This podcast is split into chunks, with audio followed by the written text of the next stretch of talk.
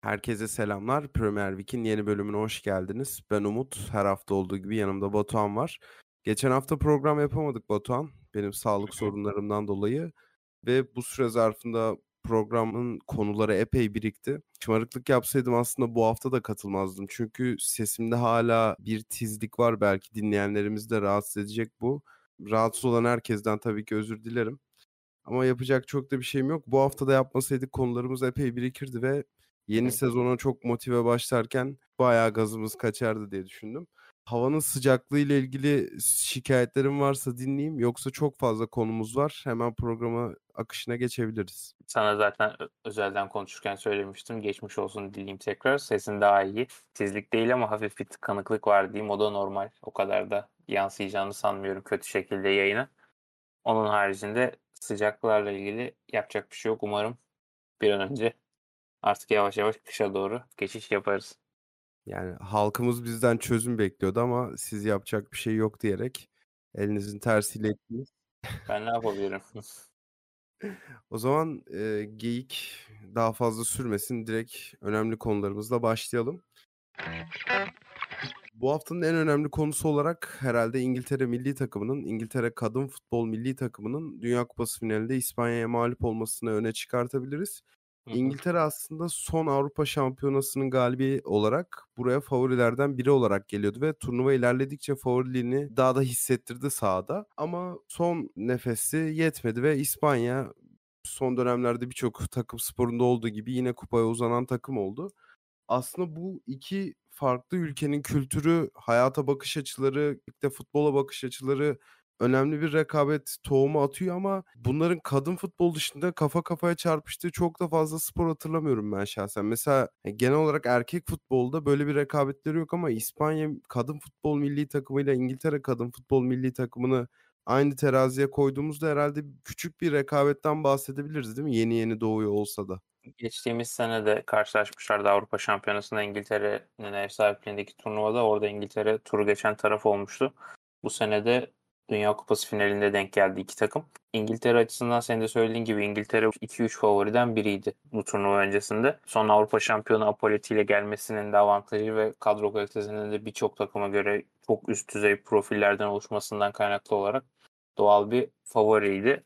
Turnuvanın ilk başında grup etabında aslında İngiltere biraz düşük viteste başladı. Sonrasında yavaş yavaş bunun arttığını gördük. Finale gelene kadar da o vitesin sürekli arttığını gözlemleme şansımız oldu. Fakat finaldeki performans sanırım bu turnuvadaki en kötü İngiltere performansıydı. Yani bir türlü o istenen oyun olmadı ki ilk yarının biter bitmez iki değişiklik yapıldı. Bazı okuduğum yazılarda bunun biraz radikal bir karar olduğu ve bu kadar erken acaba davranılmaması gerektiği yönünde de birkaç tane eleştiri vardı ama e, takıma olumsuz anlamda çok fazla yapılabilecek bir eleştiri yok İngiltere adına son dönemde başarıyı yakalayan ülkelerden biri. Özellikle Serena Williams'ın takımın başına geçmesiyle birlikte iki final oynadı. Biri Avrupa Şampiyonası, diğeri finalissima. İki de iki kupa geldi. Alt alta bunları yazdığımızda İngiltere için başarısız bir dönem geçmedi. Yani son bir yılda aslında üç kupa şansı vardı İngiltere'nin. İkisini kazandı. Sadece insanlarda hayal kırıklığı yaratan şey aslında bu takımın kupayı alabilecek potansiyelde olmasıydı sadece final performansının çok düşük kalması aslında hayal kırıklığının da çok bu kadar büyük olmasına yol açan en temel sebepti. It's easy in hindsight, but are there any regrets? No.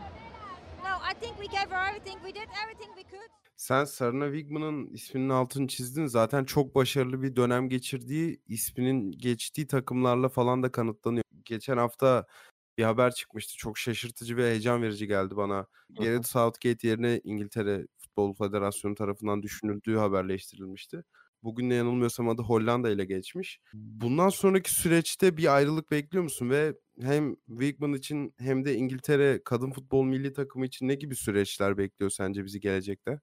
Yani çok kısa vadede bir ayrılık beklemiyorum. Finalin ardından, Dünya Kupası finalinin ardından benzer bir soru yöneltildi. Çok sıcağı sıcağın olduğu için oradaki yanıtın da ne kadar tatmin edici olacağı insanlara ya da doğru bir referans noktası olabileceği konusunda çok emin değilim. Yani Serena Wigman'a bir sonraki Dünya Kupası'nı kazanmak istiyor musunuz ya da performansınız nasıl olacak gibi bir soru yöneltildi. 4 yıl var bunu düşünmek için çok uzun bir süre dedi. Bir Avrupa Şampiyonası daha görecektir bu takımın başında. Ama oradaki durum da birazcık gel, takımdaki geleceğini de belirleyecektir diye düşünüyorum. Yani daha önceki final, e, bu finalden önce Dünya Kupası finalinden önce Sky Sports'taki röportajında e, bu takımla daha uzun süre çalışmak ve başarılar kazanmak istiyorum demişti. Bir anda tak ayrılmasını beklemiyorum. Bir Avrupa Şampiyonası daha görecektir. İsviçre'yi de İsviçre'de de bu takımın başında olacaktır.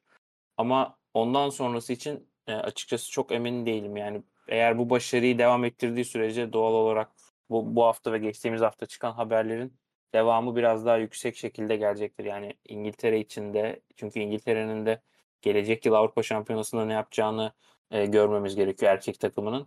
Eğer yani şu an Serena Williams gerçekten ciddi adaylardan biri ve e, böyle bir birliktelikte gerçekten senin söylediğin gibi heyecan verici olur. Peki son Avrupa Şampiyonası'ndan e, zamanlayıcıyı kurarsak bugünkü İngiltere sence o dönemden sonra geriye gitmiş bir takım mı? Yani tam tersi turnuva tecrübesi artınca Hı. insanlar burada daha da bir favori olarak gördüler İngiltere'yi ama saha içinde oyun olarak bir geriye gidiş gözlemledin mi sen acaba? Çünkü mesela finale Amerika vesaire gelseydi İngiltere yine kağıt üzerinde favori olmazdı ama İspanya saha dışında da çok fazla problemle uğraşan bir takım olarak ya bilmiyorum oradan belki bir motivasyon da devşirmiş olabilirler ama İngiltere'yi alt edemeyecek gibi gözlemliyordum ben tamamen dışarıdan bakan biri olarak. Birazcık sürprizle karşıladım. Yani buraya gelirken e, İngiltere'de 3 tane çok önemli eksik vardı. Frank Kirby, Leah Williamson ve Beth Mead. Beth Mead'in aslında eksikliği bence final karşılaşmasında fazlasıyla hissedildi. Yani Alessia Russo'nun şu anda bu takımın en önemli santrafor olduğunu rahatlıkla söyleyebiliriz ama bu yaz onun için çok zorlu bir dönem geçti. Yani United'dan ayrıldı. Sonrasında Arsenal'a imza attı.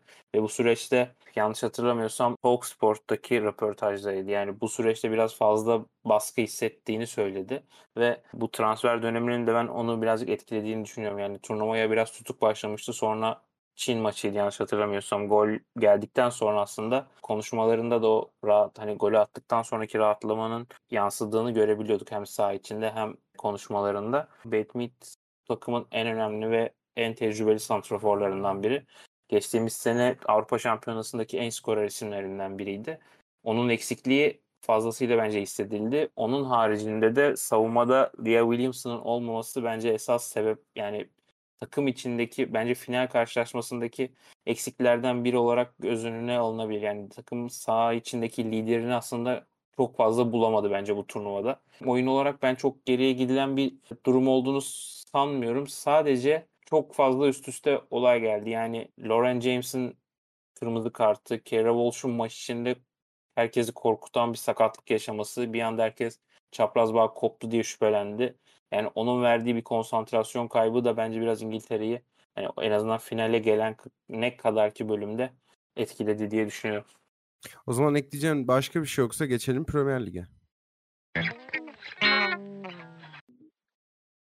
Bu hafta Premier Lig'in en öne çıkan ismini Moises Caicedo desek herhalde yanılmış olmayız. Ya yani Premier Lig çok fazla korkunç debutlar hatta Türkçeleştirelim ilk maç performansı gördü. Mesela Rio Ferdinand'ın Britanya transfer rekorunu kırdıktan sonra Leeds United'la çıktığı bir Leicester maçı vardır ilk maçı. O çok bahsedilir en kötü ilk maç performansları arasında. Benim geçtiğimiz decade'den hatırladığım bir Cervinho Arsenal başlangıcı var. Çok kötü o da. Joey Barton'la iddialaşına girdiği ve atıldığı bir maç. Ondan bir sene önce Lorient Koscielny'nin e, Liverpool deplasmanında yine atıldığı bir maç vardı. E, en son hatta bunu sen de hatırlarsın. 2020'de Thiago Silva'nın bir West Bromwich Albion deplasmanı vardı. Chelsea'nin 3-0 ilk yarıda geriye düştüğü. Onlar falan aklıma geldi. En kötü başlangıçları değerlendirdiğim zaman ama Caicedo bundan 5-6 yıl sonra bu tarz içerikler üretildiğinde herhalde bu listeye kolaylıkla eklenecek bir West Ham United maçı performansı sergiledi. Yani çok büyük okumalar yapmak gereksiz. Caicedo'nun inanılmaz bir transfer olduğunu bilmiyorum. Geçen hafta konuşamadık ama bu konuda hemfikirizdir diye düşünüyorum. özellikle Liverpool'un elinden almaları rakiplerini de doğrudan düşürdü ve maçtan sonra hem Pochettino kendisine yönelik olumlu sinyallerini aldığını söyleyerek bir destek çıkma yapmış. Hem de Kayseri daha fazla çalışıp daha fazla alışacağını da söylemiş. Tabii ki hikayenin geri kalanı böyle olur. Yani ben sadece Chelsea'nin dağınık yapısının değil, rakip olan West Ham'ın katılığının da bu maç hiç işine yaramadığını düşünüyorum Kayseri'nin. Ki karşıda da James Ward-Prowse West Ham'la ilk maçına çıkmıştı. O maçı iki asistle bitirdi ama onun da inanılmaz bir performans sergilediğini düşünmüyorum ben. Kendisini yakından takip eden biri olarak. Jamie Redknapp'ın dediği şey çok ilgimi çekti benim. Son 60 gündür Premier Lig'de dakikası yok Kaysodo'nun. Bu sezona başlamadı ve zaten sonra sezon arası girdi. Paslanmış olabileceğinin altını çizdi ama bu da işte yavaş yavaş daha fazla dakikalarını arttırarak belli bir noktadan sonra ilk 11'de başlatarak Caicedo'nun kazanılacağı anlamına geliyor. Yani transfer özelinde geçen hafta konuşamadık ama bilmiyorum oradan mı almak istersin yoksa onun peşine hemen yine Liverpool'un istediği Romeo Lavia geldi ki Lavia daha defansif bir isim ve ona da ciddi bir meblağ ödendi. Enzo Fernandez'in partneri olarak Caicedo'yu düşünüyorduk ama takımın tüm parçalarının sağlıklı olduğu denklemde tekrar savunma dörtlüye döndüğünde Lavia, Caicedo, Enzo gibi bir üçlü görebilir miyiz? Ve genel olarak West Ham maçı performansını nasıl değerlendirirsin? Yani birkaç farklı soru sordum ama genel bir Caicedo at istersen ortaya. Yani senin de söylediğin gibi bence bence de şeye katılıyorum. Çok fazla büyük çıkarımlar yapmaya gerek yok. Yani ilk maçınıza çıktığınızda kesin bir yargı yani burada muhteşem bir performans sergileyip Chelsea'ye galibiyeti getirse tam tersi yorumlar da yapılması mümkündü. Dolayısıyla çok fazla çıkarımlar yapmaya gerek yok Caicedo'nun işte kötü oynadığı ya da işte penaltıya sebep olduğu pozisyonla alakalı. Yani Chelsea bu yani Caicedo işte Lavia e, Enzo'nun sonuçta ilk e, sezonu değil. Geçtiğimiz sezon gelmişti ama ilk tam sezonun başlangıcı oldu aslında bu sezon. Onun haricinde takımdaki çoğu isim yeni. Yani Chelsea Pochettino ile yeni bir yapılanmaya başladı ve dikkat edilmesi gereken nokta aslında bence biraz burası. Yani Todd Boehly döneminde çok fazla harcama yapıldı. Çok fazla ayrılan isim olmamıştı ilk iki transfer döneminde. Fakat bu transfer döneminde gelenlerle birlikte bir o kadar da ayrılık oldu. Yani Chelsea aslında şu anda e, o kabuk değiştirmeyi ve iskeleti oturtmayı, e, takım iskeletini oturtmayı başladı diyebiliriz. Dolayısıyla ilk ligin yani milli ara gelecek bir, bir hafta sonra gelecek haftaki maçlardan sonra e, o döneme kadar aslında Chelsea'den çok fazla büyük bir beklenti olmasını doğru bulmuyorum ki milli aradan sonra da belki yine benzer bir senaryo izleyeceğiz. Yani takımın birbirine uyum sağlaması zaman alacak. Oyuncuların birbirini yukarı çekmesi de yine bence zaman alacak. Her şey rayına oturduğunda ve daha doğru bir değerlendirme yapacağız. Sonuçta bu oyuncular orta saha yapısı ilk kez birbiriyle oynuyor ve e, hataların olması ya da aksamaların, yanlışlıkların olması da son derece doğal geliyor. Ki karşıda da hani Chelsea bu kadar çok yeni bir takımken karşıda da aslında ligin oturmuş ekiplerinden biri vardı. O yüzden hani altını çizmek istedim. West Ham da ligin katı ve ilk maç oynamasını istemeyeceğiniz takımlardan biri yeni transferinizin. Peki ya Enzo Fernandez'le olan partnerliğine ne diyorsun? Biz herhalde geçen hafta programı yapsaydık Liverpool maçı sonrası Enzo'dan çok etkilenmiş şekilde mikrofonların başına geçecektik. Kesinlikle. Ben bu hafta da birkaç sekansta çok etkileyici buldum. Yani geçen sezonki adaptasyon sürecini tamamlamış ve daha ofansif bir e, zihinle yeni sezona başlamış gözüküyor Enzo. Onun için de Caicedo bence ya dünya üzerindeki en iyi tamamlayıcılardan biri. Bence aslında Eee, senin de söylediğin gibi o Liverpool performansı özellikle bazı anlarda ki Chelsea'nin böyle farka gidebileceği pozisyonlar yarattı. Ki bu Enzo'nun kalitesini ve aslında bu takımın en önemli parçalarından biri olduğunu gösteriyor ve ya Pochettino bir takım inşa edecek şu anda ediyor yavaş yavaş ve herhalde e, en önemli parça şu anda o gözüküyor. Enzo gözüküyor. Bunun haricinde orta saha üçlüsü olarak ki aslında senin de söylediğin gibi Lavia, Enzo ve Caicedo en ideal olacak ki kolay kolay ben artık üçlü savunmaya dönebileceğini dönerse de bunun 3-5-2 şeklinde olacağını düşünüyorum Pochettino. Yani 3-4-3'ten ziyade 3-5-2'li bir orta sahayı tercih edecektir. Ee, bu profillere baktığımızda işte ilk söylediğin gibi Lavia daha defansif bir oyuncu. Caicedo biraz daha 8 gibi. Enzo tam 8 diyebileceğimiz bir oyuncu. Yani bence üçü birbirini en iyi tamamlayan parçalar. Yani Caicedo Liverpool'a gitmiş olsaydı o orta sahada belki yine aynı benzer bir tamamlayıcılık olacaktı ama Chelsea'ye gelmesiyle aslında bence o tüm parçalar orta sahada en azından birbirine tam böyle puzzle'ın tüm parçaları tamamlanmış gibi bir izlenimim var. Yani üçünü bir arada izledikten sonra birkaç maç daha net bir yorum yapmamız daha sağlıklı olabilir. Ama ben Chelsea yani bu transfer döneminde herhalde en doğru hamleleri orta sahaya yaptı diye düşünüyorum. Yani Lavia, Enzo, Caicedo üçlüsünün tek problemi olabilir. Gol sayılarında bunların hiçbirinin çift tane yapabileceğine garanti veremez. Son yıllarda şampiyon takımların özellikle üçlü orta sahalarına bakınca aklıma şu anda düşünürken e, Fabinho Henderson, Wijnaldum geldi. Hani o üçlüyle kıyaslayınca Wijnaldum gibi skor edecek bir parça yok burada ama hepsinin yaşı çok genç ve özellikle Enzo'nun içinden böyle bir skorer kimlik de e, ortaya çıkarsa çok da şaşırtıcı olmaz diye düşünüyorum ben. Bu süreçte tabii ben Brighton'ı seven ve yakından takip etmeye çalışan biri olduğum için çok fazla Brighton sayfasını da haliyle takip ediyorum. Orada da komik mimler yayınlandı tüm hafta sonu. Yani en büyük eğlencem onlar oldu işte geri ödeme en alınmaz vesaire. Onu diyecektim. E bence en komik oydu. Onlar tatlı göndermelerdi. Ee, bu arada Caicedo'nun performansına istatistiksel anlamda da bir göz atmak istiyorum. 29 dakika forma giydi ve bunun 26 dakikası sanırım West Ham'ın 10 kişi oynadığı dakikalara tekabül ediyordu. dolayısıyla bunun getirdiği bir toplu oynama sayısında yükselme var. Ama mesela 49 kez topla buluşmuş, 31 başarılı pası var ve 8 top kaybı var. Burada top kaybı sayısı çok da hat kıran pas ve rakip ceza sahasında pas denemeyen bir oyuncu olarak bana açıkçası fazla geldi.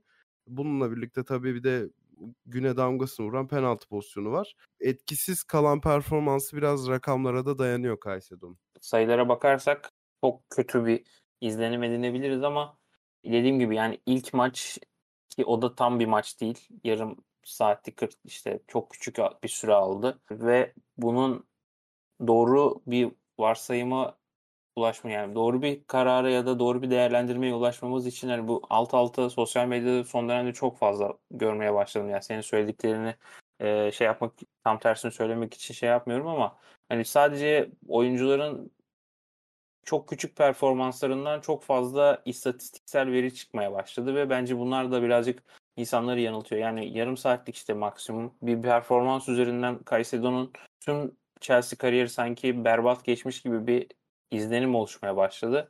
Sanırım e, yeni sezonda en çok karşılaşacağımız, sıklıkla karşılaşacağımız konulardan biri de bu olacak gibi duruyor. Ki Chelsea'yi genel olarak nasıl görüyorsun? Ben bu sezon Chelsea maçı kolay kolay kaçırmam diye düşünüyorum. Yani zaten Buyurun. yaptığımız iş gereği bütün maçları izlemeye çalışıyoruz ama Chelsea geçen sezon mesela böyle iştahlandırıcı şekilde beni televizyonun karşısına koymuyordu. Hatta ben Tuchel takımı için bile belli ölçüde bunu söyleyebilirim ama bu yeni oluşturulan genç Chelsea özellikle hücumda bir şeyler vaat ediyor ve sezon başında konuştuğumuz Enkunku'nun sakatlığı olmasaydı hakikaten çok farklı bir şey izleyebilirdik. Onun yerine oynayan Chukwuemeka'nın da en az 6 hafta kaçıracağı açıklandı ve oraya şu anda kanat 10 numara arası bir oyuncu bakıyorlarmış ki bu da baya yani bu profil epey de harcama gerektirecektir eğer orada Chelsea ilk 11'ine girebilecek birini arıyorlarsa o başka bir konu ama Enkunku sakatlanmasa hem bu takıma çok yaşlı ve tecrübeli bir oyuncu olmasa bile bir abilik katardı. Hem de kalite anlamında bir iki seviye yukarı çıkartırdı diye düşündüm ben bu hafta sonu West Ham'a karşı Chelsea izlerken. Ek yapayım. Ben de Chelsea'nin bu sene ligin heyecan veren takımlarından biri olacağını düşünüyorum ama hani ilk dörde girebilecekler mi çok ondan çok emin değilim. Yani biraz sanki Arteta'nın Arsenal'deki ilk e, dönemine andıran bir durum var. Yani çok bir şey beklememeliyiz gibi bir izlenimim, düşüncem var açıkçası. E, sadece Pochettino'nun birazcık kulüp yönetiminden e, çok Chelsea'den alışık olmadığımız bir şey bu. Ama birazcık sabıra ve süre zamana ihtiyacı var. Bunu yapar, buna inanıyorlarsa yani Pochettino ile bir yere geleceklerine Chelsea'nin bir sonraki sezonda ya da bu sezonun böyle ortalarından sonraki döneminde artık her şey yavaş yavaş oturmaya başladığında e, daha iyi bir takım izlememizin mümkün olduğunu düşünüyorum ki ben Nicholas Jackson'ın bu kadar kaliteli bir oyuncu olduğunu açıkçası hiç tahmin etmiyordum. Yani İspanya Ligi'ni çok takip etmiyorum. Yerel performansını da çok bilmiyorum. Ama e, en azından hazırlık maçlarındaki ve e, ligin ilk iki haftasında gösterdiği performans beni fazlasıyla mutlu etti. Hı hı. O da çok atletik ve patlayıcı yani izlerken insanı gerçekten heyecanlandıran bir profil. Biraz bitiricilik sıkıntısı var ama Hı hı. onun da yaşı çok genç. Yani genel olarak Chelsea kadrosunda herkesin böyle bir avantajı var. Geliştirilirse farklı bir noktaya gerçekten çıkar. Ee, Arsenal örneği verdin o bence dikkat çekici. Zaten geçen sezonki harcamalardan sonra da Todd Boyle ve özellikle Christopher Weevil'ın bir Arteta Arsenal kopyası yaratmak istediği çok fazla kez yazıldı ve perspektifleri bu yönde olacaktı. Ve bunun ilk adımlarını bence sürecin başında Arteta'dan daha yüksek seviye, daha tecrübeli bir menajerle gerçekleştirmeleri bu sonuca daha kısa yoldan ulaşmalarını sağlayabilir diye düşünüyorum. Aslında bence söylediklerin arasında en önemli kısım bence şu çok genç bir takım. Önlerindeki tek handikap herhalde takımın gelişmeni yavaşlatacak en büyük faktör. Sanırım bu genç yapı ve belki tecrübesizlik diyebiliriz. En az Chelsea kadar heyecan verici ama en az Chelsea kadar ilk dördün adayı olmayacak bir takımın maçına geçelim istersen. Tottenham Manchester United maçı bu haftanın öne çıkan maçıydı ama isminin ağırlığı kadar sahada bir rekabet göremedim ben açıkçası. Yani burada hangi takıma eleştiride bulunduğumu az çok çıkarım yapar hem sen hem dinleyenlerimiz. Manchester United özellikle ikinci yarının başındaki silik görüntüsüyle Tottenham'ı biraz maçı hediye etti. Burada tabii ki Tottenham'ın inanılmaz performansını da konuşacağımız için e, ekstra bir şey söylemeye gerek duymuyorum. Hani küçümsemiyorum vesaire tarzı. Ama ya şöyle istatistikler paylaşmak isterim mesela topu sana atmadan önce. Mason Mount bence bu maç daha derin Casemiro'ya yakın bir roldeydi Wolverhampton maçına kıyasla. Ama pas sayılarına yansımadı. Mesela bütün maç boyunca Manchester United'ın toplam 401 pası var. Mount Casemiro arası toplam 5 pas yapılmış. Yani ikisi birbirine toplam 5 kere pas vermiş. Mount maç boyunca Fernandez'e yalnızca bir pas vermiş ve Fernandez Mount'a yalnızca iki pas vermiş. Yani Mount'un orta sahadaki partnerleriyle arasında yaptığı toplam pas 8. Yani bütün olumsuz hikayeyi Mount üzerinden anlatmak istemiyorum ama orta sahası çöken Manchester United'da sanırım işaret edilmesi gereken isim biraz Mount. Ki Casemiro da bundan bağımsız olarak çok formsuz başladı sezonu. Hatta bugün Jamie Carragher'ın bir içeriği çıktı Sky Sports'ta. Casemiro'nun ne kadar formsuz başladığına dair güzel bir yazı yazmıştı. Onu da öneririm. Ama Manchester United'ın orta sahası şu anda ne topu hükmedip bir position futbolu oynayabiliyor ne de top rakipteyken caydırıcı ve man marking'i başarıyla sahaya koyabiliyor. Ve arada derede kalan tam kimyası oturmamış bir orta saha olarak ilk haftalarda sürükleniyorlar. E, geçen hafta Wolverhampton skoru bulamamıştı. Bu hafta Tottenham açıkçası galibiyete yeterli oyunu sahaya sürerek çok heyecan verici ve mutlu edici bir galibiyet aldı. Sen neler eklemek istersin? Yani ben bu notları verdim ama senin de tabii maçla ilgili görüşlerini almak isterim. Mason Mount'la başlayayım. Mason Mount geçtiğimiz yani ilk hafta ligin ilk haftasında Wolverhampton maçında United 1-0 galip gelirken takımın en çok eleştirilen isimlerinden biriydi. Yani bazı taraftar sayfalarında fazla hatta aşırıya kaçabilecek şekilde bazı istatistikler, zorlama istatistikler de vardı ki bazı yorumlar gerçekten hani birazcık haddini aşan yorumlar da vardı. Bu maçta bu performansın da devam etmesi biraz eleştirilerin de artmasına sebep oldu. Yani United'ın orta sahasında aslında e, hep bu transfer döneminden önce bir eksik parça var diye konuşulurken bu parçanın doğru parçanın en azından Mount profilinde bir isim olacak ki ya da Mason Mount olabileceği çok konuşuluyordu. Erik Ten Hag'ın yanlış hatırlamıyorsam Ajax çalıştırdığı dönemde Vitesse'de kiralık oynarken Mount'u da çok istediğini ilgili birkaç tane haber vardı. Yani Erik Ten Hag'ın birinci önceliklerinden biriydi bu transfer dönemi aslında Harry Kane'le birlikte. Kane olmadı ama Mount Erik Ten Hag'ın ilk istediği isimlerden biriydi. Senin verdiğin istatistikler aslında orta saha uyumunun veya or şu anda henüz or o orta saha uyumunun olmadığının en net göstergesi aslında. Ee, Chelsea için konuşurken 3 tane yeni orta saha diye konuşmuştuk. Burada da şu anda en yeni parça Mason Mount ve şu anda birbirlerine çok fazla uyum sağlayamadıklarını görüyoruz aslında rahat bir şekilde. United'ın ilk hafta ve bu haftaki performansını üst üste koyduğumuzda ortaya yine aslında benzer bir sorun çıkıyor. Yani bu takım şu bu profille şu anda geçiş oyununu en iyi şekilde oynayabilecek bir kadroya sahip ve hala set oyununda zorlanan bir takım ve e, şu anda Forvet'te Rashford oynuyor. Hoyland'ın sakatlığının geçtikten ya muhtemelen herhalde tam zaman tam olarak milli aradan sonra göreceğiz onu. Yani Hoyland eklemesinin yapılmasında da ben çok bir değişikliğin olabileceğini sanmıyorum. Bu takım hala set oyununda çok zorlanıyor ve bunun nasıl çözüleceği de aslında bence büyük bir soru işareti. Mount'un olması ya da işte o bu orta yapısının artık bu sezon değişmeyeceğini net bir şekilde biliyoruz ama o ön hattaki uyumsuzluk diyebilirim herhalde. United'ı fazlasıyla etkiliyor. O oranın çözülmesi United'ın bu sezonki kaderini de fazlasıyla belirleyecektir. Tottenham'la ilgili ilk hafta alınan beraberlikten sonra biraz böyle hafif eleştiriler vardı. Yani yine işte aynı Tottenham farklı bir şey izlemiyoruz. Ee, yine değişen bir şey yok gibi ama sanki bu iç saha maçında ben Kane'in de ayrılmasıyla birlikte aslında herhalde o değişimin ilk adımının bu maçta atıldığını ben rahatlıkla söyleyebilirim. En azından o prangadan şu anda kurtulan bir takım var ve yeni bir menajerle tem- te- beyaz bir sayfa açtılar. Yani yaz transfer döneminde Postecoglou gelene kadar çok fazla isim geçmişti Tottenham'ın teknik direktörlüğü için.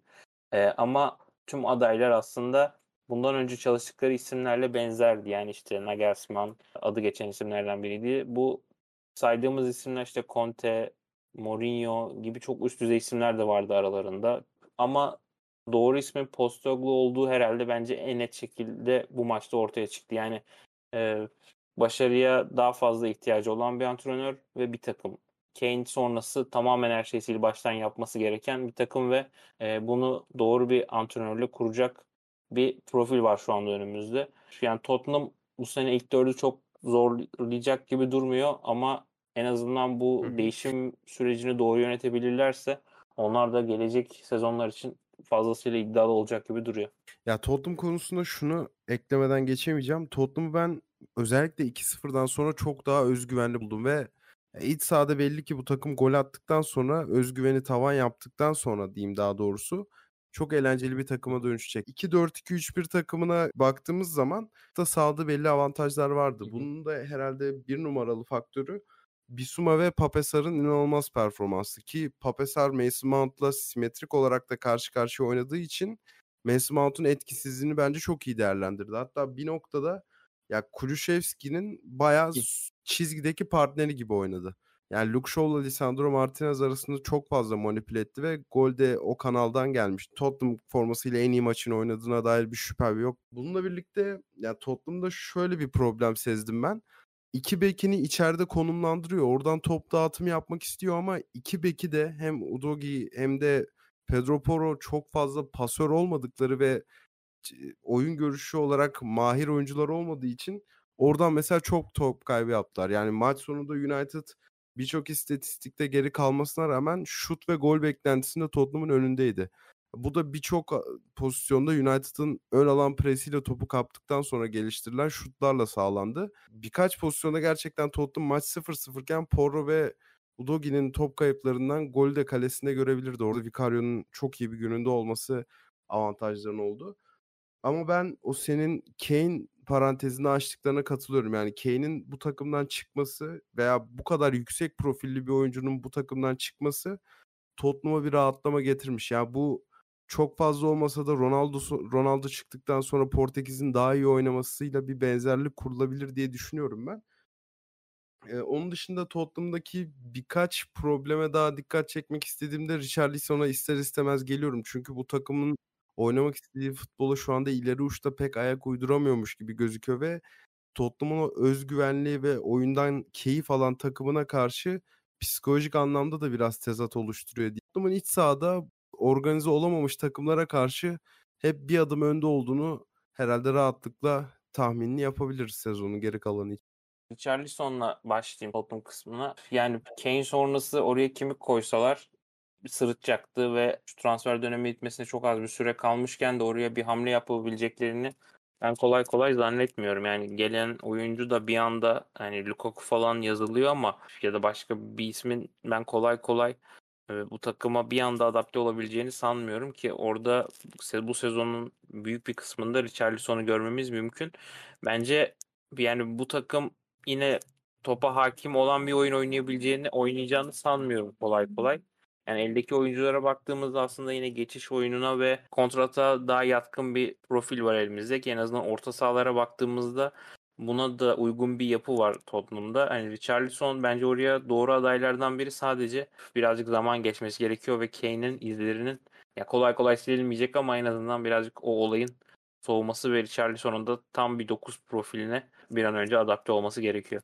Ya senin dediğin gibi Tottenham'ın birçok maçında topu rakibe bıraktığını göreceğiz ki en büyük hücum tehdidi Heung-min Son olan bir takımın bunu yapması çok mantıksız değil. Son minik ceplerde dar alanlarda da oynamaya teşne bir oyuncu ama ya bu dediğine katılıyorum ve yani Richarlison'un alternatifi olarak Son'u da birçok maçta bence ileri uçta izleyeceğiz. Orada Perisic tamamen denklem dışında kalmış değil. Belki Bentancur sağlığına kavuştuktan sonra daha fazla topu ayağında isteyen ve ona göre bir şeyler e, deneyen bir Tottenham izleyebiliriz ama Chelsea özelinde söylediklerimizi herhalde Tottenham özelinde birebir kopyalayabiliriz diye düşünüyorum. Yani ilk dört çok zor ama çok eğlenceli bir takım olarak karşımıza çıkacakları kesin gibi gözüküyor.